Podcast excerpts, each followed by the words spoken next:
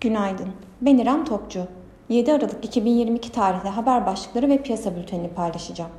Merkez Bankası Başkanı Kavcıoğlu, Kasım ayında enflasyon oranının bir önceki aya göre düşmesinin sadece baz etkisi kaynaklı olmadığını söyledi. ABD finans sektörünün tepe isimleri ABD'de olası resesyon ve sektörde işten çıkarmalar olabileceği konusunda uyardı. Talebin düşmesiyle Çin'de ithalat ve ihracat Kasım'da beklentilerin üzerinde düştü. Georgia seçimiyle demokratlar ABD senatosundaki koltuk sayılarını 51'e çıkardı. Piyasalara genel olarak bakacak olursak pay piyasalarında global risk alma iştahında son dönemde oluşan güçlenmenin resesyon endişeleriyle bir miktar zayıflayacağını ve kısa vadede yurt dışı borsalarda satış baskısını devam edeceğini düşünüyoruz.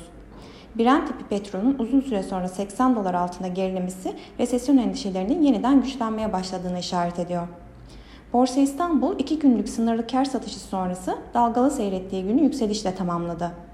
Endekste sınırlı yabancı satışları yaşandığı görülse de güçlü bir şekilde devam eden yurt içi yatırımcı talebi nedeniyle kar satışları etkisi sınırlı kalıyor. Son iki ayda önemli bir düzeltme gerçekleştirmeden güçlü yükseliş gerçekleştiren endekste sınırlı da olsa kar satışı baskısının kısa vadede devam edebileceğini düşünüyoruz.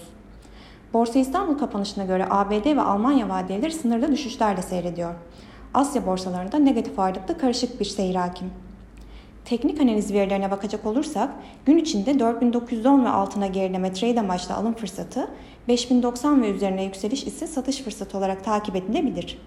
Viyop tarafında ise gün içi long pozisyonlar için 5393, short pozisyonlar için ise 5453 zarar kes seviyesi olarak izlenebilir. Borsa İstanbul'un ve endeks kontratının günde sınırlı negatif eğilimle başlamasını bekliyoruz. Kazançlı günler dileriz.